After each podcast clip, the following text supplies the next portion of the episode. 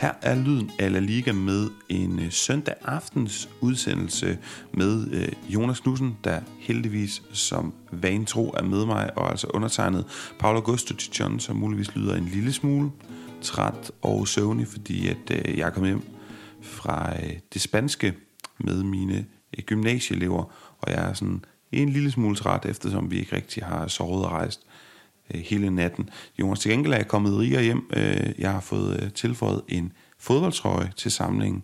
En spansk fodboldtrøje, og det er til min søns samling, så altså størrelse ja, 3-4 år. Vil du gætte, øh, hvor jeg har været på togt?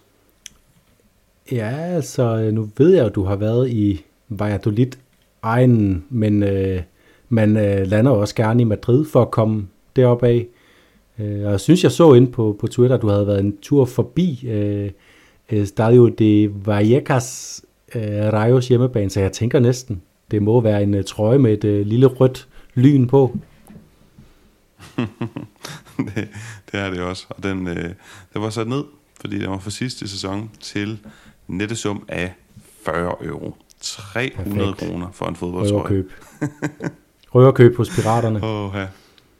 ja ja, hvis der er en klub, som har brug for det, så er det måske Rayo. Øh, mere om dem muligvis senere, Jonas. Men lad os starte, lad os starte dagens udsendelse med øh, seneste nyt på trænerfronten, hvor vi har fået træner fyring nummer to i La Liga. Det er nemlig Vicente Moreno, der går ud over i Almeria.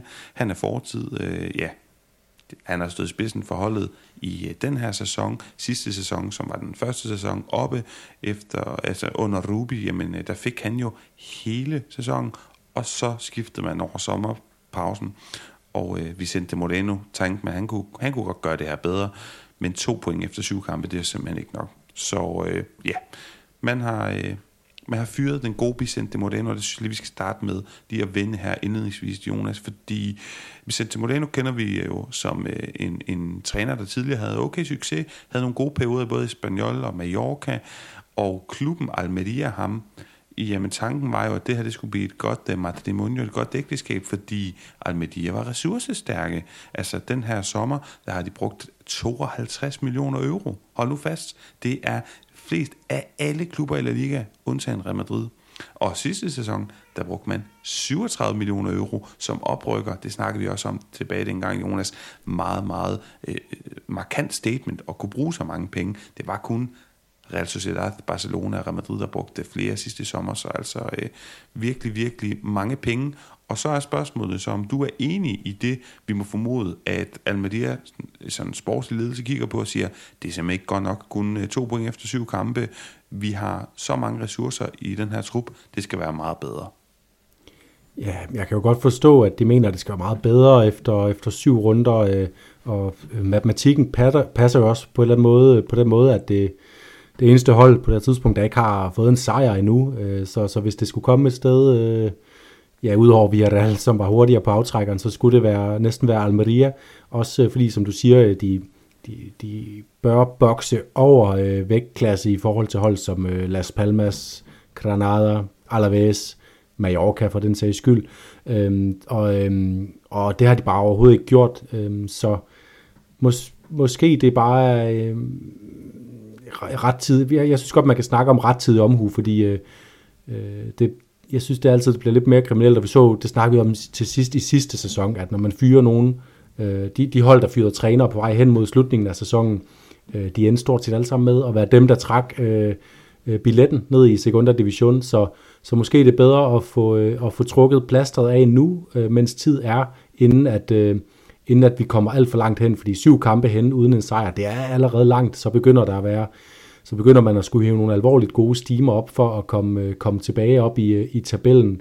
Så øhm, jeg, jeg synes ikke, det er sådan en... Øh, jeg, jeg sidder ikke og måber og er forbløffet over, at de, øh, de vælger at gøre det. Selvom at, øh, at jeg også synes, det var spændende at se Vicente Moreno i spidsen for, for et, øh, et hold med, et, øh, med sådan øh, en klub med et godt trupprojekt.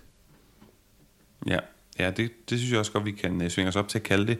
Og altså, jeg vil ikke øh, foregive at kende den øh, objektive sandhed omkring de her ting, men jeg må bare sige, at tanken om at holde på Ruby, kunne jeg godt lide. Jeg synes, det var charmerende hele sidste sæson, at man siger, ah, han ligger lige der, øh, sådan på, på vippen til at, at holde os oppe, så vi giver ham den, vi, altså vi har tiltro til ham, vi giver ham tålmodighed, og vi lader ham slutte sæsonen. Men at man så ikke præmierer det med at give ham øh, den her sæson og starte op på, for at se om det kan blive bedre og mere overbevisende, fordi Almerias budget er jo til mere, som du også insinuerer, end at, øh, ja, at ligge dernede og rode rundt i bunden.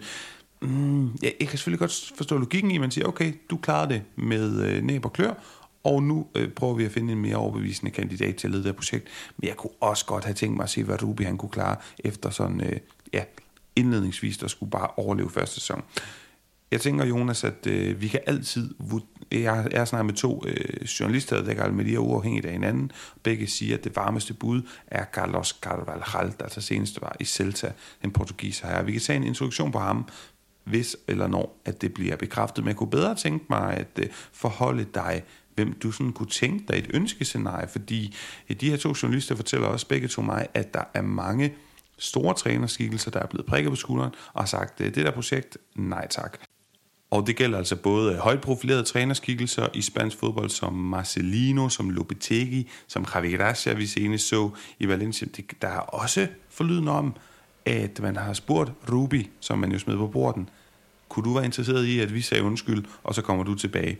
Jonas, hvem kunne du tænke dig at se i Almeria-trænersædet? Øh, jamen, et trænernavn, jeg altid godt har kunne lide at, at se, hvad, hvad en del af La Liga, det vil være, det vil være Marcelino. Altså, jeg, jeg synes, han er sådan det, det, det største La Liga-navne, dem, du nævner, og en, øh, en der altid har, har spillet en rolle alle de steder, han har været. Der, det, der har det været projekter, man har kunne, kunne tage seriøst, og som har peget fremad, både i øh, øh ja, Valencia og Villarreal. Altså det, det, øh, så, så det kunne jeg godt tænke mig at se, øh, men det, det noget tyder på, at Carvalhal er, er det er det fremmeste bud, øh, så, øh, så det tror jeg egentlig også, det bliver, og det, det er jeg måske egentlig også lidt, lidt skeptisk omkring. Altså han overbeviste ikke lige frem i, øh, i Celta, øh, og ja, jeg er ikke overbevist om, at han vil være den rigtige til at tage, tage Almeria længere op i, i tabellen.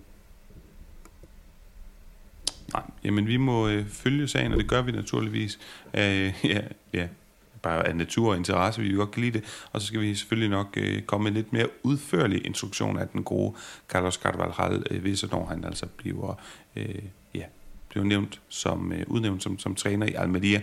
Men jeg tænker egentlig bare, at øh, vi smider første breaker på for i dag på programmet her, og så hopper ned til øh, ja, en kort gennemgang af de måske lidt mere, hmm, hvad skal vi kalde dem, øh, i øjnefaldende ting, der skete i runde 7, og så altså primært forholde os til runde 8 og en øh, kort status på La Liga, efter øh, som at sæsonen er 8 runder gammel. Men altså først en breaker, der kommer her.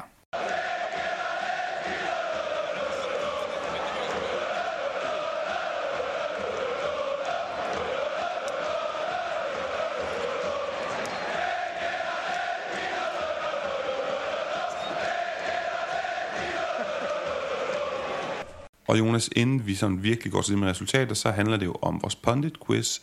I kender altså efterhånden konceptet. I kan få det her brætspil, der for andre koster 399 til 319 kroner med den her rabatkode LYDEN20, L-Y-D-E-N 20.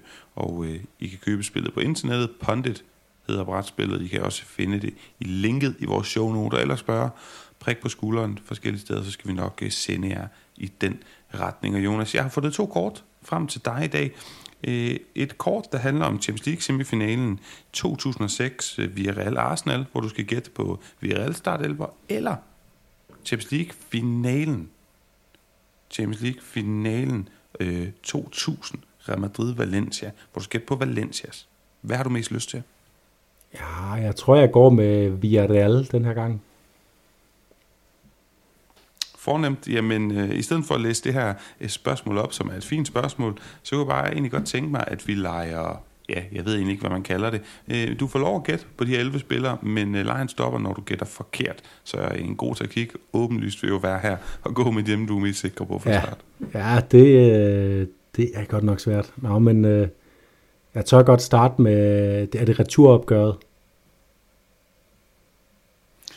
Det er i VRL. Jeg kan ikke huske, hvordan den ender. Øh, altså, det er 0-0 ja, det må næsten være returopgøret, hvor øh, Juan Roman Riquelme, han brænder det skæbnesvanger straffespark.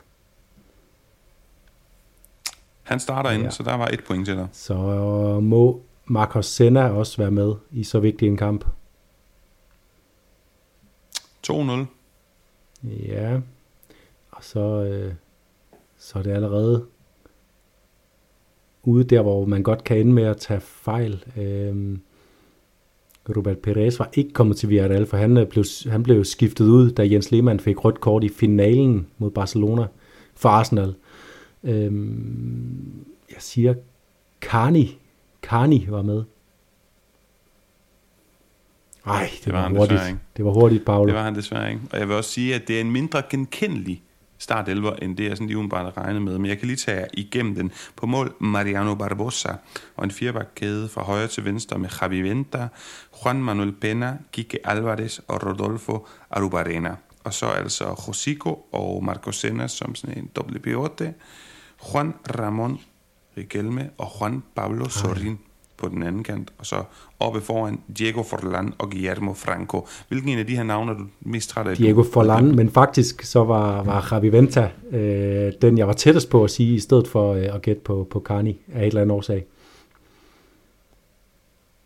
Jamen, øh, Jonas, jeg vil sige, det er stadigvæk godkendt. Og du kan i en anden god gang få lov at excellere i, uh, i startelveren fra Champions League Final 2000. Hvis du lover selvfølgelig ikke at, uh, at læse op på den.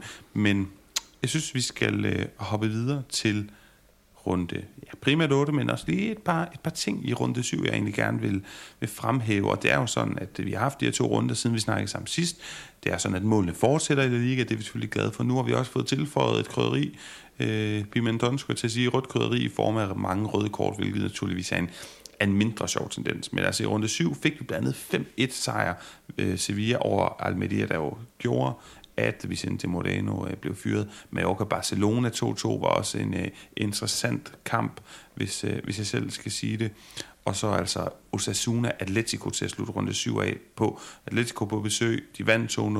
Der var en lille smule polemik, det behøver vi ikke komme ind på, men det jeg gerne vil komme ind på var en smuk gestus, en gesto, hvor Aspilicueta fik stående klapsalver af sit gamle hjemmebanepublikum, og det var altså hverken i går eller i forgårs, han tørnede ud for Osasuna. Runde 8 tager jeg lige både dig, Jonas, og lytterne igennem. Fredag aften, Barcelona-Sevilla. 1-0 til Barcelona. Øh, interessant interview før kampen, hvor Ramos siger, øh, det vil ikke gøre mig noget at score til 1-0 i den her kamp. Det endte han så med at gøre. Men for Barcelona, selvfølgelig øh, ekstremt interessant. Lørdag aften, eller lørdag form, undskyld, øh, middag, Getafe Villarreal, jeg tror det var klokken 2.00. Rayo Mallorca 2-2. Girona mod Real Madrid 3-0 over altså Real Madrid, der tager, øh, ja, det var nummer 1 mod nummer 2, Real Madrid, der overtager førstepladsen, og Basker Derby, der ender 3-0 til Real Sociedad. Søndag har vi fået Almeria Granada 3-3, Alaves hos Asuna i et form for baskisk derby, hvor Asuna har vundet 2-0, og så er vi jo desværre Benjentes øh, øh sidder stadigvæk og holder lidt øje med for lige om lidt, mens vi optager, spiller både Betis, Valencia og Atletico mod Cardis, men kalenderen er simpelthen gjort det umuligt for os at optage på andre tidspunkter end, øh, end lige nu.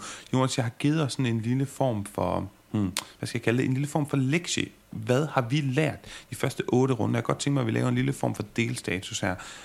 Nogle, bare sådan nogle af de overskrifter, ikke også? Hvad har vi lært efter otte runder for sådan at samle op, også for lytternes skyld? Og en af de ting, jeg vil starte med at uh, sige, og det er en ros til dig, jeg har lært, at Atleti Klub, de er virkelig kommer bullerne i den her sæson. Selvfølgelig ikke de seneste to runder, de har både fået, både fået nederlag og nu gjort, men man kan tydeligt se, at der er noget omkring det her Ernesto Valverde-mandskab. Så den kan jeg starte med at lægge ud øh, med.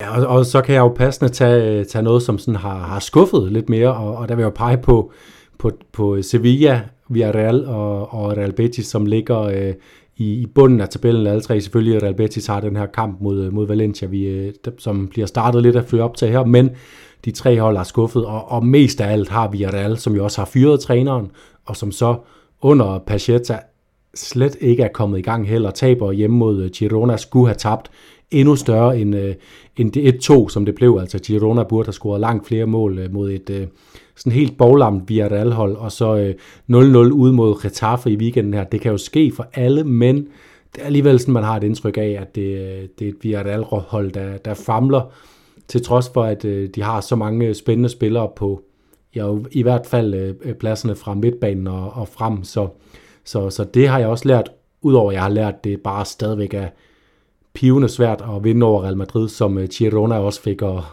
fik at føle på den hårde måde her i weekenden. Ja, den kamp kan vi vende lidt mere tilbage til i detaljer. Jeg vil sige, jeg har også lært, at uh, Rayo Vallecano, dem er ikke bare fordi Anthony Raola er smuttet, så er jeg ikke klar til at uh, give op på dem. Det er jeg ikke villig til. De har også brugt lidt penge, og det går være, som vi står her, øh, her og snakker her søndag, inde i runde 8, at de har haft tre uafgjorte resultater i streg, men stadigvæk synes jeg, at de, de klarer det fint. Jeg køber også dine tanker om Villarreal, om ja, om noget der med Betis, øh, Sevilla, som er inde i en lille form for forbedring, det kan vi snakke lidt om senere. Men Jonas, hvad med, hvad med to af vores oprykkere, Granada og Las Palmas? De har kun vundet en enkelt kamp. Det er vel ikke, øh, det er vel ikke godt nok? Nej, og dem, øh, dem har vi, jeg vil næsten sige, vi har nærmest ikke lært dem at, at kende endnu. De har i hvert fald ikke foldet sig ud på en måde, så vi, så vi har noget sønderligt positivt at sige om dem. Der er lige sådan øh, Øh, Brian Zaragoza, som vi hurtigt har lært at kende fra Granada, som bliver, bliver, bliver spændende at følge med i. Et offensivt talent, som, øh, som allerede har vist sig godt frem i nogle kampe, men, men ja, dem, dem, skal vi, dem skal vi helt klart se mere fra. Men øh, så længe man henter lidt point her og der, så er det heller ikke nogen... Øh, så er det heller ikke nogen dødssynd at komme lidt langsomt fra start som, som oprykker, så, så dem er jeg ikke sådan helt klar på at, at føre kniven over endnu. Og så er spørgsmålet jo, altså jeg, jeg sidder tilbage med to navne på bloggen. En, en dårlig historie efter otte runder, synes jeg stadig er selv, i hvert fald resultatmæssigt, selvom vi har snakket lidt mere i dybden om, at vi kan lide nogle af de tendenser, vi ser. Og en af de positive ting efter otte runder, Jonas, jeg skriver det meget med småt, men det står helt nede i hjørnet af mit papir. Valencia. Er det fair nok? Ja, det er helt fair, fordi øh, med de betingelser, der er blevet sat op, sat op for Ruben Baraja og den erfaring, eller mangel på samme, man kan sige, han har som, som La Liga-træner, så, så er det imponerende, at de er, er kommet så fint fra land, og, øh, og det er jo også, øh, jeg sidder i hvert fald med den fornemmelse, at øh, navne som øh, især Javi og Diego Lopez, øh, især de to, men, men også flere af de andre, øh, Fran Perez, øh, Christian Mosquera, som er kommet ind i forsvaret nu her, at det, at det er navne, der kommer til at vokse sig endnu bedre, som sæsonen skrider frem, så det rent faktisk er ende med, at øh, med mindre øh, Peter Lim og company øh, laver endnu mere øh, øh, rav i den i løbet af januars transfervindue, så, så, så, så sidder jeg med en fornemmelse af, at vi kan sidde med et helt fint Valencia-hold, når vi, øh, når vi nærmer os de sidste øh, 10 Øh, 10-15 spillerunder, fordi at de her spillere er modnet, de har fået tid. Det kan de jo ikke undgå, sådan som truppen er sat sammen nu. Øh, og øh, uden tvivl, altså det kan vi se, har, øh, har talentet, der skal til, til at, at vokse sig til fine eller ligaspillere. Så, så det er jo gået fra at være et hold, vi, øh, vi var meget, øh, der var meget tungsind omkring, til at det er et hold, der, der faktisk er spændende allerede nu også at, at følge med i fra runde til runde, fordi øh, der er noget at holde øje med. Ja, og så tror jeg måske også, jeg vil, jeg vil gerne købe den logik, og som jeg også hørte sådan lidt, ja, insinuere det her med, at jamen det giver da også bedre mening at gå rundt og, og have unge, vortende talenter fra det legendariske Paterna på græs, altså spillere som Javier, nemlig eh, Fran Pérez, Diego Lopez, Alberto Martin, når han kommer tilbage, en afdankede folk som uh, Castillejo, som ja, Edison Cavani, der måske ikke uh, bidrog med så meget. Så det, det, det synes jeg egentlig er fair nok. Hvad hvis nu jeg siger Cadiz og Getafe, Jonas? Strammer jeg den så for meget? Ja, jeg synes, der, der bliver spillet for meget sprudlende fodbold i, øh, i La Liga hos, øh, hos langt de fleste af de andre hold, eller hvis ikke sprudlende, så i hvert fald øh, øh ting med, med offensive idéer i, til at jeg, jeg vil øh, fremhæve dem endnu, men man må sige, at de får deres point på deres øh, måder, og, øh, øh, og, øh, og det, det skal de jo have. Altså, og øh, Retaffe, som i, i de her to runder, vi, vi snakker om nu, har spillet uafgjort på San Mamés, og, øh, og hjemme mod Villarreal, det er jo bare, det er jo bare fint og en god øh, trædesten for dem, og så kan man håbe, at de, at de finder tilbage til noget af det øh, lidt mere positive fodbold, vi har set dem tidligere i historien. Jeg, jeg tvivler nu, og det, det er stadigvæk to hold, jeg, jeg ser på med stor skepsis, og nok de to hold, jeg har allermindst lyst til øh, at se kampe med, hvis jeg skal være helt ærlig. Jamen, det, du skal være helt ærlig. Det er, det er fremragende, det er fornemt. Men øh, jeg skal også være ærlig og sige, at jeg kunne godt tænke mig at se Redaffe lykkes, fordi at det er det, jeg forudsag før sæsonen, at de kunne være en af de her øh, ja, højdespringere. Jonas, har du mere indledningsvis til nogle af de her overskrifter, eller skal vi gå øh, til nogle af de større kampe, vi har haft, og som vi skal øh, tale lidt igennem, siden vi sidst snakkede sammen? Nej, ikke andet. Vi, vi snakkede jo om Girona i, i, i, i øh, vores sidste udsendelse, og, og nu fik de jo så et, øh, et reality-check hjemme mod, mod Real Madrid, men, men ellers så er det jo helt vildt, at de har øh, ja, for ganske nylig ligget nummer et, og de aktuelt ligger nummer, nummer tre i La Liga med 19 point efter 8 kampe. Det, det er jo bare, øh, selvom man har vendt sig til tanken i løbet af den sidste uge, og at, at de er deroppe, så er det bare stadigvæk vildt hver eneste gang, man tjekker tabellen og ser Girona ligge, hvor de gør. Jeg ved ikke, om der var pun intended der, men det var meget godt lavet re- reality check øh, til Girona af Real Madrid. Men lad os så bare gå til netop de to øh, hold og den kamp, de spillede indbyrdes, fordi det var nummer et mod nummer to. Det var spændende at, øh, at følge med i. Jeg synes jo, Jonas, at Girona de var fremragende spillende faktisk. Selvom at resultatet, altså de taber 3-0, det indikerer noget helt, helt andet. Øh, men lige pludselig så var det som om, at altså, Girona, de, de kunne være kommet på 1-0, på 2-0, og så lige omkring, at de, de egentlig kunne, og måske også burde være kommet på 2-0, jamen så finder Jude Bellingham inspiration i, øh, i Quaresma, og så altså Modric, de her yderside afleveringer, som de så fantastisk har stået for i deres karriere. Han finder en frem, og så finder han Roselu med den her vidunderlige yderside pasning, så står det 1-0. Var det også din fornemmelse af den her kamp, at Girona sagtens skulle have startet med at komme foran? Ja, helt klart, og, og det er også derfor, jeg... Øh jeg har, har brugt ord som, de møder virkeligheden og reality check om den her oplevelse for Girona, fordi det er jo det, er jo det når man lige pludselig spiller en topkamp mod Real Madrid, så kan man ikke tillade sig at brænde de første to-tre muligheder, man får i en kamp, fordi øh, at Real Madrid bliver ikke bare ved med at stå og tage imod, øh, de bliver ikke bare ved med at, at, at forsvare feltet, for der står 0-0. Øh, lige pludselig så, så slår de igen, uanset øh, hvor godt spillende Real Madrid så er, eller hvor, hvor sløjt spillende de så er, så slår de igen, og så får man lige pludselig ikke flere muligheder, og det jeg også hæfter mig ved, det er, i anden halvleg, der synes jeg, Real Madrid er fuldstændig formidable til at, at forsvare deres, deres mål, og gøre det mod lige præcis det, som har været Gironas kendetegn, det her med, at, øh, at Girona laver progressive vendinger i banen, får sprunget, øh, sprunget kæder over, øh, hurtige afleveringer frem i banen, modige beslutninger rundt omkring feltet. Real Madrid hver gang de mistede bolden. De var lynhurtigt tilbage i deres, øh, deres blokforsvar, og med den her firmands midtbane, som, øh, som vi har lært at kende på godt og ondt i den her sæson øh, med diamanten på midten, at så var de bare solide, og så havde Girona lige pludselig ikke nogen løsninger, når de mødte øh, Real Madrids sidste tredjedel. Det stod stadig fint ud frem til der, men der, der mødte de altså deres, øh, deres overmand, øh, Girona, de skulle have, de skulle have scoret på en af de, øh, der blandt andet rammer de stolpen jo i første halvleg, men de skulle have scoret på en af de to-tre første muligheder, de fik skabt der, så havde det været en helt anden kamp. Nu blev de bare, øh, nu blev de bare kvalt i disciplinen topopgør som ja. Real Madrid kender så godt. Ja, og den øh, forhåbentlig får de mere erfaring i den disciplin, for jeg er altså på ingen måde klar til at afskrive dem endnu. Jeg synes stadigvæk, de gør det rigtig, rigtig godt. Man skal selvfølgelig rose Real Madrid, og nu har vi kørt lidt med den her tematik og vinkling på, hvad vi har lært efter otte runder. Så jeg kunne tænke mig at nævne, at jeg også synes, øh, jeg er blevet lidt klogere på øh, Real Madrids, øh, hvad kan du sige, deres taktiske setup, hvordan jeg synes, de ser bedst ud, og det er altså med Roselu op foran Jonas. Nu er Vinicius tilbage, Rodrigo har ikke lige frem imponeret stort, så jeg tror, at en af de ting, jeg har lært, det er, at Real Madrid startopstilling, den inkluderer Roselu på bekostning af Rodrigo. Jeg synes også, jeg har lært, at øh, midtbanen, den skal, indikere, øh, den skal inkludere, undskyld, Kroos, og at Kammervinga, jamen der er i hvert fald i spansk presse blevet øh, lagt rigtig meget i det her med, at Fran Garcia og Ferdinand de begge to var klar, men at det var Kammervenga, der var nede på den her venstre bak i, øh, i, i, i den her kamp mod Girona. Lægger du også en stor betydning i netop den disposition?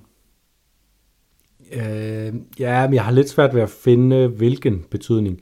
Jeg tror, øh, jeg tror simpelthen, øh, Ancelotti vurderede, at kam, øh, altså, øh, for, Øh, Girona kommer jo med, øh, med, med Kuto og Tigankov i højre side, og det er altså to spillere, der har skabt problemer for rigtig mange. Jeg tror, han vurderede, at med, øh, med Kammervingas øh, fart og, og sådan altidighed gode evner til at, at være hurtig til at vende på fødderne, så tror jeg simpelthen, han vurderede, at han var bedst til at forsvare den her kamp mod de spillere, fordi Frank Garcia har haft vist, vist bøvl med at og, og forsvare, når han er blevet øh, sat under tryk af både en offensiv øh, kandspiller og en offensiv bak på samme tid øh, og Mangdi er jo stadigvæk lidt på vej tilbage, øh, og, og, og derfor har man måske ikke været helt sikker på ham, så jeg tror ikke, jeg vil lægge mere i det, end at, øh, at jeg tror, det bliver en tendens, at Frank Garcia ikke spiller, måske kommer til at starte lige præcis de kampe, hvor at øh, modstanderens højre side er, øh, er aller, allerbedst. Øh, så så det, mere tror jeg ikke, jeg vil ligge i det. Okay, fair nok. Jonas, har du andet, øh, andet på den her kamp? Noget, vi skal øh, ja, diskutere? Nej, ikke, ikke andet end jeg, jeg er enig i, med både dig og med Diego Simeone, som jo også prikkede lidt til Ancelotti med hensyn til, til øh, valget om at udlade Rosello fra, fra startopstillingen i madrid derby at Real Madrid er farligst med ham. Det er at øh, man har bare et behov for et fikspunkt, som ham også, som har så mange midtbanespillere på banen. En, der man ved, hvor, øh, hvor befinder sig, og som øh, har sådan lidt mere øh, Øh, drive direkte mod mål, fordi han, han, han laver, er også begyndt at sådan tage lidt mere fat i bolden, og sådan drive den selv frem mod målet, og, og den her type, der kun har blik for, hvor, øh, hvor modstanders mål er, det, det kan Real Madrid godt bruge, og så, så var det jo skønt for dem at have både øh, Dani Cavaral og Vinicius tilbage. Det, øh, det var det var altafgørende for Real Madrids flow som hold, at, øh, at de to ikke var ude alt for længe, når man også tager i betragtning, at både Militao og, og Courtois som bekendt er ude, og, og Øh, ja, Alaba også, øh, også var ude til den her kamp, så, øhm, og, og er det lidt endnu. Så, så super vigtigt for Real Madrid, som, øh, som ligesom fik afværet en, en, øh, ja, en, en skuff, efter en skuffelse mod, mod Derby Madrilen, i Derby Madrileño, så fik de virkelig vendt sagerne i, i den her uge med to sejre, og er på ret kurs igen. Det, og det er hurtigt, og de spiller måske stadigvæk ikke det mest sprudlende, men de har altså vundet syv ud af otte kampe, kun tabt på øh, den, hvis ikke sværeste, så anden sværeste udbane, i, øh, i, øh, i, øh, de kommer til at møde den her sæson. Så altså, øh, rigtig mange positive vinde over Ancelottis Real Madrid-hold stadigvæk. Ja, og så må vi jo finde ud af, når de skal på Nuevo Los Carmenes, om de også kan overleve der. Nej, det var... Ja, det, det er jo den, jeg lige sidder og venter på. Ja, der, der, der taber de nok i hvert fald mindst to point. Oh, jeg har faktisk set Real Madrid på Nuevo Los Carmenes, og de var... Ja, Granada, de blev bæst bagover. Men en, øh, Jonas, øh, jeg, jeg skal bare lige høre, er det bevidst, at vi ikke snakker om uh, Nacho og det røde kort nu? Er det fordi, det, der kommer ja. noget på det senere? Bare, lad os bare gemme den. Godt. Jamen, øh, det, det kunne jeg sådan godt lidt uh, fornemme. Jeg synes, at vi skal hoppe fra Girona og, og Real Madrid over til øh, eksempelvis Barcelona mod øh, Sevilla. Jeg synes øh, på en eller anden måde lidt det samme, selvom Sevilla jo øh, traditionelt er et meget større hold end Girona. Sevilla var også faktisk ret god mod FC Barcelona. Det er min udlægning. Jeg, jeg hører gerne din. Jeg tager også gerne imod, en, altså hvis, det, hvis du vil udfordre den udlægning. Jeg synes, Sevilla havde mange chancer. Jeg synes, de begynder at se lidt mere friske ud. De kunne sagtens have fået point i den her kamp, er mit postulat. Er du enig? Jeg er meget enig, og spiller som Juan Luis Sanchez over på højre bak, selvom han havde problemer defensivt. Øh, Adria Pedrosa, som jeg synes virker som et faktisk rigtig godt køb. Øh, øh, jeg havde også lidt et godt øje til ham, da vi lavede vores top 15 år transfer, men turde alligevel ikke helt, fordi han trods alt har været lidt for, lidt for anonym figur i, i Espanyol, men, men, men virker god. De Brilsov inde på midten giver, øh, giver noget mere energi, og så ham her Luke Bacchio, som, øh, som bare er all over, øh, belgiske, øh, belgiske angriber, øh, kantspiller som, øh, som forsøger sig med alt muligt. Altså bare en, øh, en, en, en spiller, der virkelig kunne passe godt ind på Gironas hold, fordi han bare spiller med det her øh, det her øh, gadespiller mod, som, øh, som Mitchell hele tiden snakker om, de har i, i Girona. Øh, så jeg synes faktisk, jeg er enig, det var, det var meget opløftende at se øh, Sevilla, og, øh, og igen be, lidt bekymrende, altså lidt tilbage ved bekymring for Barcelona, fordi at øh, øh, både ja, den kamp mod Celta, de vinder 3-2, så mod Mallorca, øh, Øh, og så den her kamp mod Sevilla, hvor vi også mindre om Sevilla i faser står og forsvarer sig dybt nede, det har Barcelona bare stadigvæk øh, svært ved at, at, at håndtere, øh, selvom at de den her kamp spiller med, ja, ja, hvad skal vi kalde det, fire angriber, en 10'er og en 8'er, ingen 6'er, to offensive backs. Det burde have været et, et Barcelona-hold, der var god til at skabe øh, fare og chancer hele tiden, men, øh, men, men det, det synes jeg ikke, de var. De var det, blev, øh, det blev lidt for langsomligt og passivt igen i perioder, selvom det var en, en det var en, altså, det var en forrygende 1-0-kamp, øh, hvis man bare ser det med objektive briller. Mm. Jeg kan godt tænke til mig øh, kort lige at, at blive ved Sevilla, Jonas, når nu vi er hos dem, fordi de tager de første tre kampe i den her sæson, og så sidder man og tænker, okay, men det lige var et problem, hvor vi først nævnte det, men jeg tror ikke sådan, at vi har givet dem så frygtelig meget opmærksomhed, ellers som jeg lige husker det i de første par rundeudsendelser, men, men siden de første tre nederlag, så hedder statistikken altså to sejre, to uafgjorte og blot et enkelt nederlag. Det må, det må man alligevel vurdere er, øh, ja, objektivt set jo en, en kæmpe stor forbedring i resultater. Og der er nemlig sket nogle ting, du nævner ham her, Luke Bakayoko. Altså ham, ham skal folk virkelig lægge mærke til.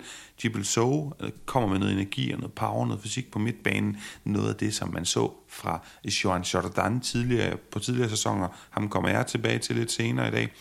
Ramos og Loic Bardet, det her midterforsvar, synes jeg egentlig også er blevet kørt ind, sat i scene og ser fornuftigt ud. Så tør vi ikke også at tro på, at Sevilla, om ikke andet, går, at de ikke smadrer øh, ja, den, den liga, vi kunne isolere, kalde, øh, isolere og kalde resten af holdene, og så sikre sig en top 4 fuldstændig sikkert, men om ikke andet begynder lige så stille og roligt at, at, at klatre op i tabellen. Tænker du ikke også det? Og de kommer til at klatre op øh, fra nu af. Jeg tror ikke, de kommer til at øh, for alvor tro øh, top 4. Det tør jeg stadig godt at sige, for jeg synes, øh, Real Sociedad Athletic Club øh, ser ser bare bedre ud. Jeg tror, de kommer til at, at blive svære at hente for, for Sevilla, øh, selvom øh, der er selvfølgelig mange runder at gøre det på, men øh, det kan være, hvis du spørger mig om fem runder, jeg ser anderledes på det, men øh, jeg synes stadigvæk, der er for mange usikkerheder omkring dem, og, øh, øh, og jeg er meget enig i, altså det her Ramos, bare øh, det, det kan blive rigtig, rigtig fint. Øh, men øh, der var stadig også svagheder, også i Ramos øh, defensive spil. Altså han, han scorede der selvmål, og det var også ham, der ophævede offsiden i den situation. Øh, der er nogle situationer, hvor han ser, øh, ser lidt på bagkant ud og begynder at se lidt langsommere ud. Men øh, jeg, jeg vil gerne øh, gå med på, at, øh, at vi efterlader Sevilla på en øh, positiv klinge øh, i den her omgang. Okay, fornemt. Ja. Og så må du ellers, øh, ja, det er ikke fordi, det skal være negativt, sol og, øh, sol og skygge, men, men ja, du er i gang med at, at jeg kunne fornemme, at du var i gang med at øh, lægge op til en, en mindre Barcelona-kritik, og det synes jeg var sjovt, fordi jeg havde noteret på min blog, at altså hiver de sådan en sejr her hjem. Altså det er også stærkt. De kommer tilbage mod Mallorca. Det er selvfølgelig skidt, at de ikke vinder den kamp. Fermin Lopez har jeg, synes jeg, at, øh, at, at, at fortjener store roser. Joao Cancelo, jeg ved ikke, om vi har fået nævnt det, men så lad mig lige gøre det for en sikkerheds skyld. Sikke en højre bak. Altså, øh, altså offensivt snakker vi jo med længder, det er det mest spændende, der er at kigge på øh, i, i spansk fodbold. I hvert fald, jeg ved ikke, det er måske fordi, jeg synes, Nauli Molina er en anden type højre bak. Jeg kan også rigtig godt lide ham, men wow, hvor er det fedt at se en mand, der kan noget på egen hånd på den højre bak. Men det er ikke for at tage noget fra dig, fordi øh, du har helt sikkert en, en, en fortjent kritik, eller i hvert fald en form for pegefinger rettet mod dem. Ja, det er mere en pegefinger, for jeg synes jo også grundlæggende, de spiller en fin kamp her. Øh, deres kamp i Mallorca var, var bøvlet, men øh, det er også et svært sted at spille, det ved vi, og, og Mallorca spillede den der kamp til UG, slange og kryds og boller og det hele. Øh, men jeg synes stadigvæk, altså nu vandt de to kampe 5-0 i, i streg mod Betis og Antwerp, og det fik mig også til, eller Amberdes, som, øh, som vi kalder dem her i programmet, øhm, det, det fik mig til at have store forventninger. Jeg, jeg, jeg kom jo også med en forudsigelse, at Barcelona skulle vinde den her kamp mod Sevilla stort. Øhm, det, gjorde, det gjorde de jo på ingen måde, og, og var heller ikke tæt på det. Øh, øh, så, så jeg synes, det, det, var, det var lidt to skridt frem og et tilbage sådan på det offensive, sprudlende FC Barcelona-spil, som vi har efterspurgt nu i ja, nærmest siden øh, Xavi tog over, hvor han så har, øh, skal vi huske at sige, at han har løst en hel masse andre ting i den grad for FC Barcelona, men øh, det mangler stadigvæk at, at have en lang fase, hvor de, hvor de, hvor de spiller offensivt sprudlende, øhm, og jeg synes jo, både Joao Felix og uh, Jamal og Lewandowski så sådan lidt mere øh, ja, sådan låste og ikke, ikke, ikke sprudlende ud i den her kamp, hvor Rafinha i virkeligheden, øh, synes jeg, så ret god ud nede på den her, øh, den her midtbaneplads, indtil han måtte udgå med en skade, desværre for, for Barcelona. Øh, så, så det er ikke fordi, jeg har sådan dommedagstanker om FC Barcelona. Øh, det ærger mig bare, at de efter, efter to så gode offensive kampe ikke har, har kunne følge lidt, lidt, lidt bedre op. Ja, og det er selvfølgelig også ærgerligt, men jeg må altså alligevel sige, Jonas, når jeg sidder og kigger på det, så, så altså, skulle man give en karakter til Xavi for den her sæson, sæsonindledning, så, altså, så ender det på noget, der minder om 10, måske endda et, et, et, et 10 pil op eller sådan et eller andet, fordi du kigger bare på, Lewandowski kommer lidt øh, ind med nogle spørgsmålstegn i sæson, nu er han i gang og sparker mål ind. Fedder så det ser godt ud. Øh, Lamin Jamal ser rigtig godt ud. Fatamin Lopez, Pedri, han har så været ude, og der er også, men dem, der har gået ind i stedet for, ser godt ud. Gündogan, det giver mening. Oriol Romeo, ja, selvfølgelig stadig begynder at komme lidt øh, spørgsmålstegn omkring ham, men stadigvæk har startet relativt stærkt, sikrer nogle resultater, giver en god balance. Cancelo rigtig godt. Jeg synes, der er virkelig, virkelig, virkelig mange ting, når du sidder og kigger på det her Barcelona-hold, som altså, det, det, det, det virker relativt forløst, og nogle af de ting, som vi efterspørger netop, det mere offensivt flydende spil, øh, det ser også bedre ud. Cancelo, lad mig sige de to gange Xiao, fordi også Felix ser også mere spændende ud. Så jeg ender nok på et stort tital, hvis jeg skulle give en karakter her. Ja, det er jeg nok egentlig også enig med, og, og det, det gode for Xavi, det er, at øh, øh, det står meget, meget klart for ham, hvad det er, de skal arbejde med. Det er at spille mod hold, der spiller med 3-5 bakkæder, fordi øh, de havde problemer med Retaffe på udebane. De spiller med tre nede bag i, øh, tre midtstopper. Øh, de havde problemer med Mallorca på udebane, som spiller med tre midtstopper og nogle bøvlede angriber op foran. Og, øh, og så med Celta Vigo, hvor de skulle frem til det 81. minut for at, og, øh, og reducere til 1-2, og så derfra lave et vanvids øh. Men de der øh, 60-5 bagkæder og to midtbaner, der polstrer foran dem, det har de, øh, det har de svært ved at, at håndtere, og det skal de, det, det skal de jo bare hjem og, og øve sig på, øh, fordi øh, dem kommer de til at møde flere af. De kommer selvfølgelig til at møde de samme tre hold flere gange, øh, men de kommer til at, at, at se hold pakke sig, fordi tidligere har det været sådan lidt, man vidste ikke rigtigt, om det egentlig var bedst at gå Bielsa på den mod Barcelona, og så angribe det med højt pres og med, med egne midler. Det har jeg tit synes var den bedste måde at prøve at overmande Barcelona på, eller om det var at stille sig ned og, øh, og prøve at se, om man kunne være mere afventende. Lige nu ser det ud til, at man godt kan stille sig ned og være afventende, og så lykkes med det mod FC Barcelona. Så det, det er meget simpelt. De skal, de skal, de skal øve nogle angrebs, øh, angrebsåbninger og nogle relationer op foran det. Der er jo stadigvæk også øh, spillere, der ikke har spillet mange kampe sammen. Jamal Lewandowski, Lewandowski, Felix, øh, Felix Jamal med, med alle de spillere, der er, og, og, og det skifter lidt fra gang til gang, om det er så Ferran Torres, Rafinha derinde. Så, så selvfølgelig skal det blive bedre for, for Barcelona, og det, det tror jeg også, det bliver, fordi vi har i den grad set øh, lovningerne til det også. Modtaget. Jamen, øh, og jeg, jeg, jeg vil prøve at ringe ned til mine venner i Granada og advare dem om, at øh, du i hvert fald anbefaler dem om at stille ind i en fembakkæde, men Jonas, jeg har så allerede noteret, at øh, de er en del af min forudsigelse for mod kommende runder. Jeg tror ikke på Granada i den, i den forbindelse. Mere om det senere. Lad os, øh, jeg tænker, lad os, op, øh, lad os op til Atletico Madrid og hvad der er sket for dem, siden vi sidst snakkede sammen. Nu er de oppe og vundet tre af de seneste fire kampe, og det er altså øh, ikke inkluderet den her Cardiff-kamp, der lige pt. er 5 minutter og 7 sekunder gammel, og altså 0-0. Jeg kunne godt tænke mig at rose, hvis ikke vi har gjort det, Samuelino, Rodri Kelme, det ser rigtig godt ud, integreret ud. Samuelino, han er nærmest blevet fast vensterbak, øh, og det er selvfølgelig alt, alt for tidligt at sige, men nu siger jeg det bare, lige nu savner man ikke Carrasco, og jeg synes også at rigtig mange eksperter i ind- og udland. Det ved jeg ikke, om, vi har not- om du har noteret det, Jonas de har virkelig fået travlt med at rose Carrasco, og han var rigtig god, og du hjalp mig også med at få øjnene op for ham. Men lige sidste sæson, det var da ikke hans bedste, eller hvad? Eller det var det, husker forkert?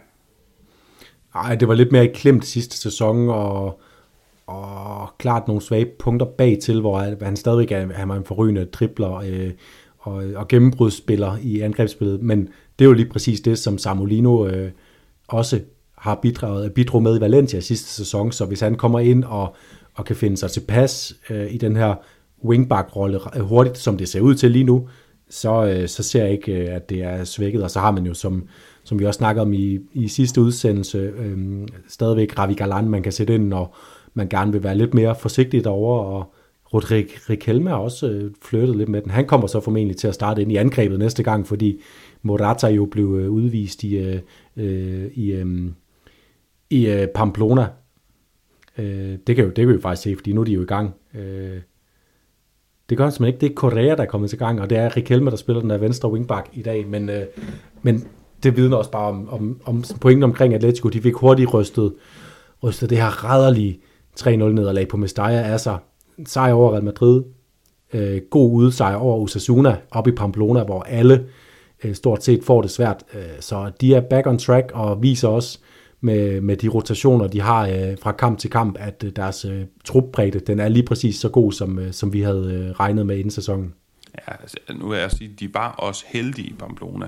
Det, det, det, det synes jeg. Altså, der er en situation med et mål, der bliver som jeg i hvert fald ikke øh, helt nødvendigvis øh, forstår, hvorfor, hvorfor det bliver anledet. Men, men jeg, jeg er enig, jeg er enig i din pointe, og jeg synes, det ser spændende ud for Atletico Madrid, og jeg kan ikke lade være med at sidde og tænke på, nu snakker vi om Samolino, det ser godt ud, og det gælder det ser godt ud, men i hvor høj grad noget af det her handler om, at Saul er tilbage. For jeg synes virkelig, Saul Nikes, han er tilbage. Det går lidt under radaren, fordi han sparker ham ikke op i hjørnet, eller dribler, som, som du, jeg tror også, du nævnte det sidste gang, øh, dribler øh, fra, fra egen banehalvdel nærmest, og ind i Bayern Münchens lille straffesparksfelt, for at, øh, at overliste målmanden. Men jeg synes bare, han er tilbage. Jeg synes virkelig, det klæder Atleticos midtbane. Marco Jordan til os, der var nogle af vores Atletico øh, fans, lytter af podcasten, der, der bidrog med noget for nylig, hvor de også snakker om, som jeg husker det flere af dem, at øh, Marco Llorente, måske var det misforstået. Altså han skulle ikke komme smadrende op i feltet og score 10 mål, lave 10 oplæg. Det var ligesom ikke den rolle, som, han, han, som man skulle forvente at, øh, at se for ham, men netop mere noget dynamik. Så det klæder, jeg synes, jeg kan godt lide øh, den her tremands midtbane, Atletico Madrid øh, ofte mønstre med Saul til venstre, Marco Llorente til højre og Koke i midten. Ja, det er jeg også enig i, og også omkring den der Llorente-rolle. Det var måske en, en kort fase af hans karriere, hvor han lige pludselig blev set som det primære angrebsvåben for, for Atletico, og han kommer jo også fra en opvækst i Real Madrid som, øh, som, som sekser i virkeligheden. Det er også der, han prøvede igennem fra Alaves øh, øh, som, som udlejningsspiller. Øh, så, så måske det passer godt, at han finder sig til rette i en øh, ja, mere sådan ren midtbanerolle, men stadigvæk med den her vidunderlige dynamik og evne til at, at drive bolden nogle meter, når det er påkrævet, og udenom, udenom modspiller også. Øh, det er jo også luksus at have de evner, og det har, øh, det har Diego Simeone også vist med hans tiltro til Lemar, at det er noget, han gerne, Thomas Lemar, som, øh, som er røget ud i kulden nu her, at det er noget, han gerne vil have, når han har en tremandsmidtbane derinde, at, at, at der er mindst en spiller, der kan, der kan drive bolden, og så to andre, som så i det her tilfælde er, for tiden er Koke og Nirkes, der, der bedre kan øh, øh, holde bolden kørende øh, og, øh, og øh, ja, sørge for, at man har, øh, har overtaget i, i nogle faser af kampene. Så ja, det, det ser bare spændende ud det hele for, for Atletico. Mm. Jonas, har du andet på Atletico? Ej, ja, det, det er ærgerligt for dem. Morata, han får ravet det der røde kort til sig i, i Pamplona, fordi øh, han var inde i en stime, og er det noget, vi ved om ham, så er det, at hans stimer de lige pludselig kan være brudt, og der kunne sådan en, øh, en pause på grund af en øh, karantænedag godt være, øh, være en årsag til det. Ja, modtaget. Jamen, øh, så synes jeg egentlig bare, at vi skal øh, hoppe lidt videre i teksten, altså både fordi, at der, er så, der har været så mange kampe at, at spille om, men jo altså også, Jonas, fordi, som jeg har sagt, jeg er lidt medtaget på grund af, af Øh, studierejse, sprogrejse og sådan noget med gymnasiet, så jeg ved ikke, om der er noget andet, du vil kommentere, fordi jeg har også øh, flere pointer i, øh, ja, i, vores, i vores prisuddelinger, som kommer på den side, men er der noget med nogle bestemte resultater eller noget andet, du lige vil hæfte ved først? Jeg vil gerne lige rundt omkring Real Sociedad, fordi dem har vi jo været lidt efter, for de fik en, en lidt fodslæbende start på sæsonen, blandt andet fordi de var gode til at komme foran i kampe, men ikke var gode til at spille kampene færdige nu må man bare sige, at de har spillet tre kampe på en uge og fået ni point øh, hjemme mod Getafe, hvor der skulle noget af drama til, hvor de både var foran og bagud igen, og så foran igen til sidst med 4-3 sejre. En øh, ikke sprudlende, men øh, pivende effektiv sejr på Mestalla, hvor de, øh, hvor de udnytter, at, øh, at Valencia får et rødt kort i første halvleg til stille og roligt at køre den hjem, og måske bruge, øh, bruge det her med at være overtalt til at lade op til lørdag, lørdag aften, hvor de så øh, smadrer Atletic Klub på hjemmebane i øh, det baskiske øh, derby, og hvor både tribunen på øh, Reale Arena, eller Anueta, som vi, vi kender det, øh, øh syde og boblede, men hvor jeg også synes, at Real Sociedad spillede fremragende. Subimendi, Miguel Merino, især synes jeg var i, i hopla i den kamp, øh, Subimendis dybdeaflevering til Sabals øh, 3-0-mål må det næsten være, det er helt suverænt. Og selvom jeg egentlig synes, at Atletic Klub også øh, præsterede en udmærket kamp, så var øh, Real Sociedad bare fantastiske, og de har virkelig stemplet ind i den her øh, sæson, og ligger jo også kun nu øh, altså 6 point fra, fra Real Madrid op på førstepladsen, så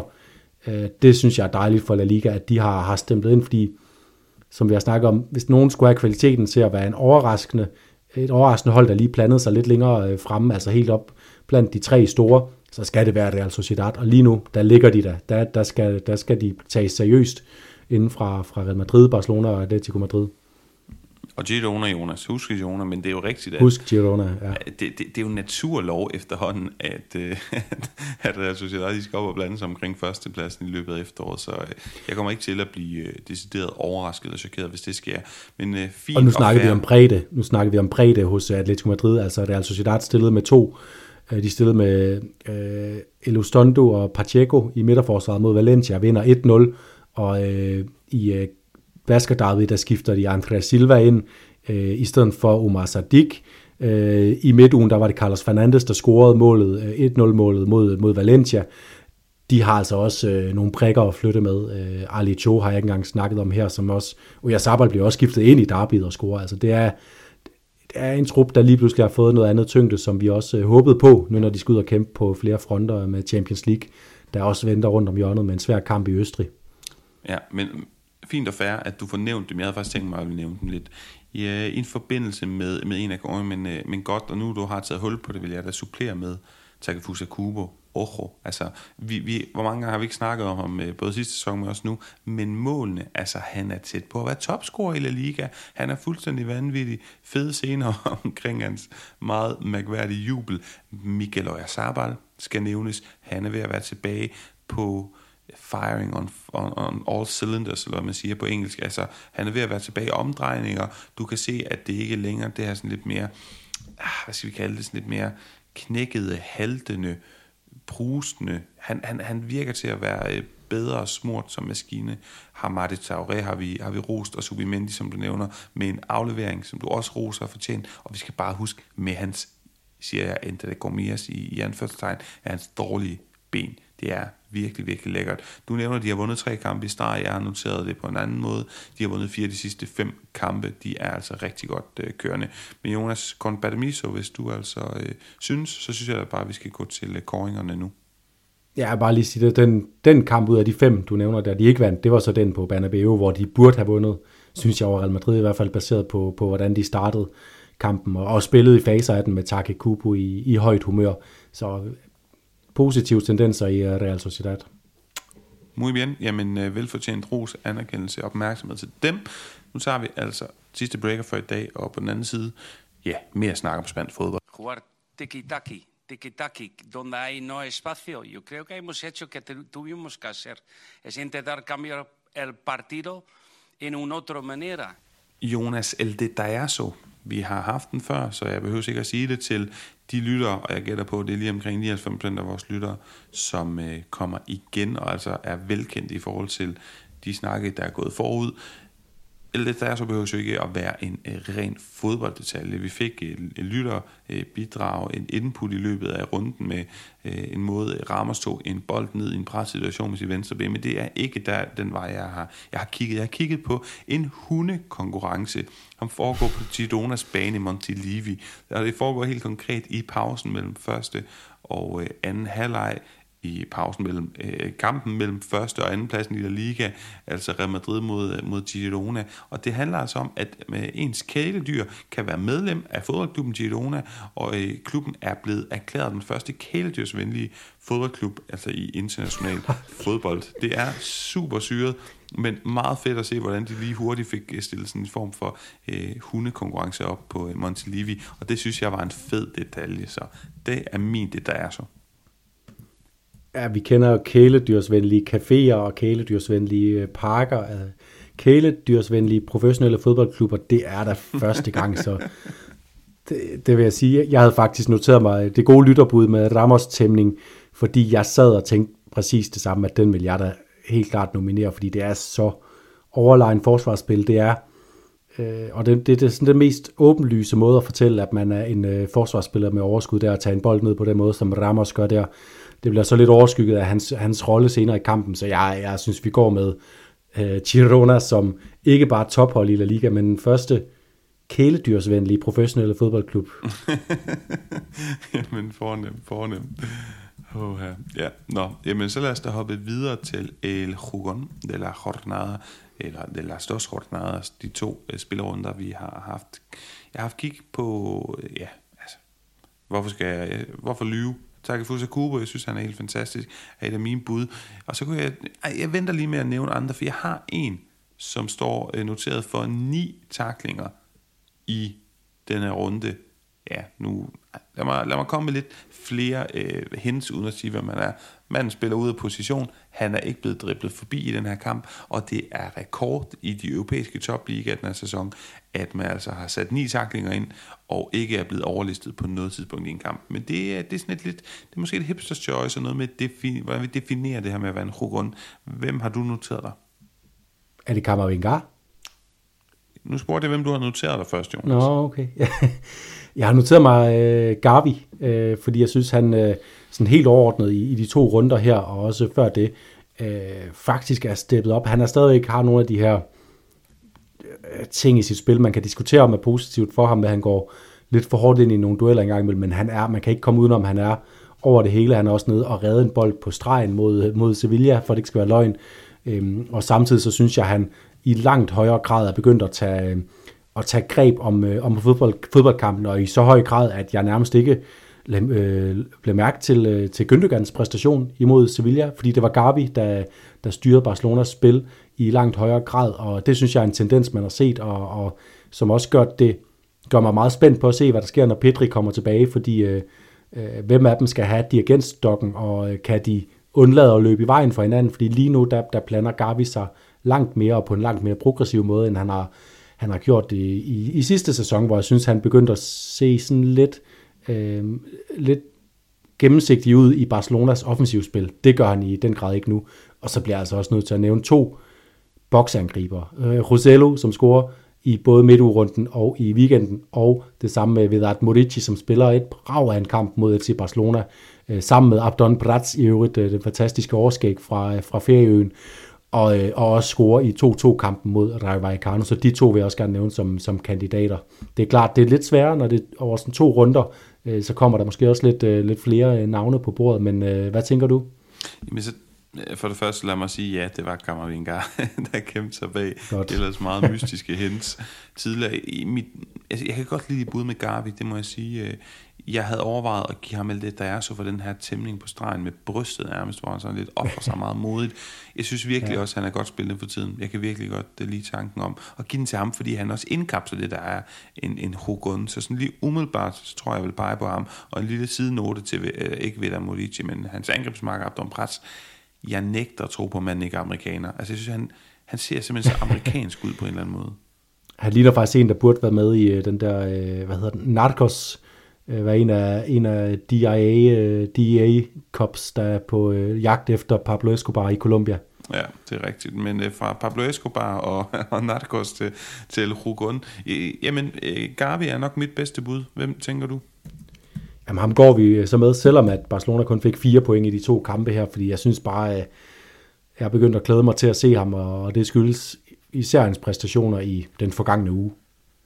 Fornemt. Jamen videre til øh, de her skala med de positive og negative historier. Koman Kempes skalaen, som jeg har valgt at døbe i den her sæson. Og øh, på Komans siden af skalaen, den negative historie, der går jeg med et interview, jeg nævnte det tidligere i dag, Jean Jordan var ude i et interview og fortælle, at hans sidste sæson, den var ikke særlig god. Og det så vi andre også godt. Han spillede en dårlig sidste sæson, og han havde jo været fremragende tidligere. Vi kunne virkelig, virkelig godt lide ham i flere perioder, så det er der et eller andet interessant i.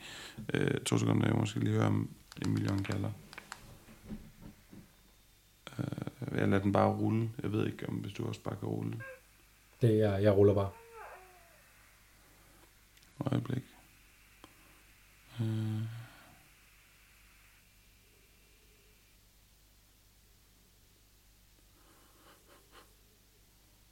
Det lyder som om, at han passer sig selv. Øh, hvor fanden tager jeg den fra? Måske bare fra... Ja, bare fra, fra skalaen, tror jeg. Ja.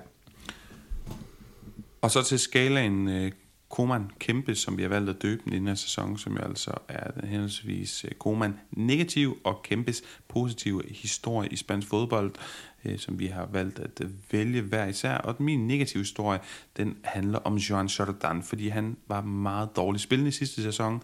Ellers øh, havde han været fremragende tidligere, vi kunne godt lide ham, begyndte at fremhæve ham i de her perioder, hvor Sevilla virkelig var god og sikrede sig den her fjerdeplads jo nærmest med 20 point. Han var ude i et interview i Jugones eller 6 i den her uge, hvor han siger, på her sidste sæson, der kunne jeg ofte slet ikke løbe. Jeg blev tvunget til at spille af klubben alligevel, øh, på, altså fuldstændig dopet op. Og den historie, og det, det, det interview fortæller mig, at sammen med det faktum, at flere og flere spillere får voldsomme skader oftere, det er både en fornemmelse, det er også noget, jeg statistisk øh, læser, at, at der bliver bakket op fra, sammen med sammenholdt med det her koncentrerede kampprogram, det er en negativ historie for mig, og det er en negativ tendens i fodbolden, og det ødelægger vores produkt en smule, og det synes jeg er, øh, er rigtig, rigtig træls for lige at gøre den færdig helt konkret på Jean Jordan, så spiller han jo den her kamp mod Barcelona. Han er spilleren med færrest vundne dueller. Han er spilleren, der flest gange bliver afdriblet. Han er spiller med tredje flest tabte bolde fra Sevilla. Han er fuldstændig usynlig i sine defensive aktioner. Med andre ord, han ligner ikke sig selv. Det ødelægger fodboldspillere. Det er det, der er min pointe. At klubber tvinger dem til at spille igennem. At fodboldforbund og UEFA og FIFA skal komme efter dig. Blive med at komprimere kampprogrammerne. Og at øh, vi hurtigere og hurtigere skal dem tilbage fra skade. Så en kæmpe øh, omgang, ja, hvad skal vi kalde det, en stor ommer til øh, fodboldverdenen i den, i den henseende. Ja, jeg er enig. Vi har brug for færre fodboldkampe, og bare i den her weekend har jeg set uh, Rafinha og Kieran, uh, Kieran uh, øh, Journey uh, bare gå ned med, uh, med muskelskader, der kommer uh, pludseligt ud af det blå, og uh, det er bare sådan noget, der peger på, at, uh, at fodboldspillerne, uh, atletiske, godt trænede som de er, spiller for mange kampe. Det kræver for, vi kræver for meget af dem øh, nu, og det er ikke os fans, der kræver for meget af dem. Det er fodbold, det er netop øh, dem, der søger øh, profitten i sporten øh, og tror, at, øh, at vi ikke kan få nok fodbold. Jeg vil hellere have en god kamp af Barcelona om ugen, end at have to halve kampe med Barcelona hver eneste uge året rundt, fordi at det er stort set der, vi er øh, for de store klubber, så det, det vil jeg gerne tilslutte mig. Og øh, så til min Koman, og det skal lige siges, Koman er jo kun øh, negativ koring øh, til, til dem, som ikke lige har, har lyttet med, da vi, da vi opfandt koringen, fordi det bliver set i Valencia-regi, hvor han jo havde den her forfærdelige øh, øh, trænerperiode, øh, og er en meget, meget, meget upopulær skikkelse, i modsætning til Mario Kempes, som så er den positive del af den her skala. Min Koman går til nogle røde kort i, øh, i den her uge, fordi først og fremmest til Ojan Sanset, som får det andet røde kort i sæsonen, i midtugen for en fuldstændig vanvittig, øh, vanvittig takling øh, i, sådan i hovedhøjde, helt ukontrolleret i en kamp mod Getafe, og med den går han klip af det baskiske derby. Og det er det andet røde kort, han får i den her sæson, efter også at have fået det mod, mod Osasuna, for to gule kort, han fik med 12 øh, minutters mellemrum. Det er for skidt, fordi øh, vi vil gerne se ham så mange kampe som muligt. Han er vigtig for Atletic Klub. Han er en fryd for at se som fodboldspiller. Og så den anden, det er Jimmy Avila, som for anden gang i den her sæson er i gang med at tabe 0-2 på hjemmebane. Øh, den første gang var mod netop Athletic Klub i, i samme kamp, øh, og øh, nu var det så mod, øh, øh, mod Atletico i overtiden, at han så laver nogle fuldstændig vanvittige taklinger, der giver direkte rødt, og begge tilfælde taklinger, der bare ligner, at han er ude på at skade modstanderen. Og det charmerende som det her, øh, den her lille terrier af en øh, aggressiv, tatoveret argentiner kan være, så er det ikke okay, når det, når det bliver manifesteret på den måde. Altså øh, prøv at få det lidt ud i, i fodboldspillet, i stedet for Jimmy Avila. Og så slutter vi nemlig på en anden spiller, som apropos det der med bare lige en, der har lyst, øh, der er ude på at skade en modstander, Nacho, øh, Nachos takling i overtiden, øh, som giver direkte rødt også. Det synes jeg bare var usmageligt, og det er Real Madrids anfører. Øh, altså det, det afspejler på ingen måde de værdier, Real Madrid gerne vil, vil stå inden for med, øh, med øh, øh ridderlighed og øh, gentlemanhed og være hævet op over øh, smusset. Det var så tilsmusset en, en takling, at, øh, at jeg, jeg er chokeret over, at, øh, at Nacho øh, kaster sig ud i den, og det er bare, det, jeg synes, det var en, en vanvittig forfærdelig takling. Og Real Madrids anfører, der kaster sig ned i sådan en, i en situation, hvor de får en 3-0 på udebane i et uh, topopgør mod et, uh, et lille hold, uh, det, uh, ja, det smager bare dårligt. Ja, det var fuldstændig latterligt at se på. Altså, kan vi godt lige få lov at, at fortælle ham, at han skal tage sig alvorligt sammen. Den ellers jo gode Og det kommer jo ikke så længe efter, at uh, Cavaral, han uh, fuldstændig smadrede Juri uh, Bacicev, uh, Athletic Club-spilleren, sådan lidt på samme måde, Øh, så de skal passe på, de der Real Madrid-spillere, at de ikke, øh, at de ikke mister noget af deres øh, gode rygte og renommé. Jeg er meget, meget enig, Jonas. Jeg ved ikke, hvad det ligner. Også fordi det, det, det ligner nemlig slet ikke Nacho, det der. Det er også totalt åndssvagt lavet. Meget, meget idiotisk. Øhm, min positive historie, den hedder Philip Jørgensen, og vi er jo ellers ikke en podcast, der er kendt for at at kippe for meget med danskerhatten, men den gode Philip Jørgensen, han er et fodboldtalent, han er en ung spiller med en stor fremtid forhåbentlig foran sig, og altså øh, noget af et potentiale, som vi håber, der kan blive indfriet, og øh, hvis det bliver den spanske liga, men så meget desto bedre.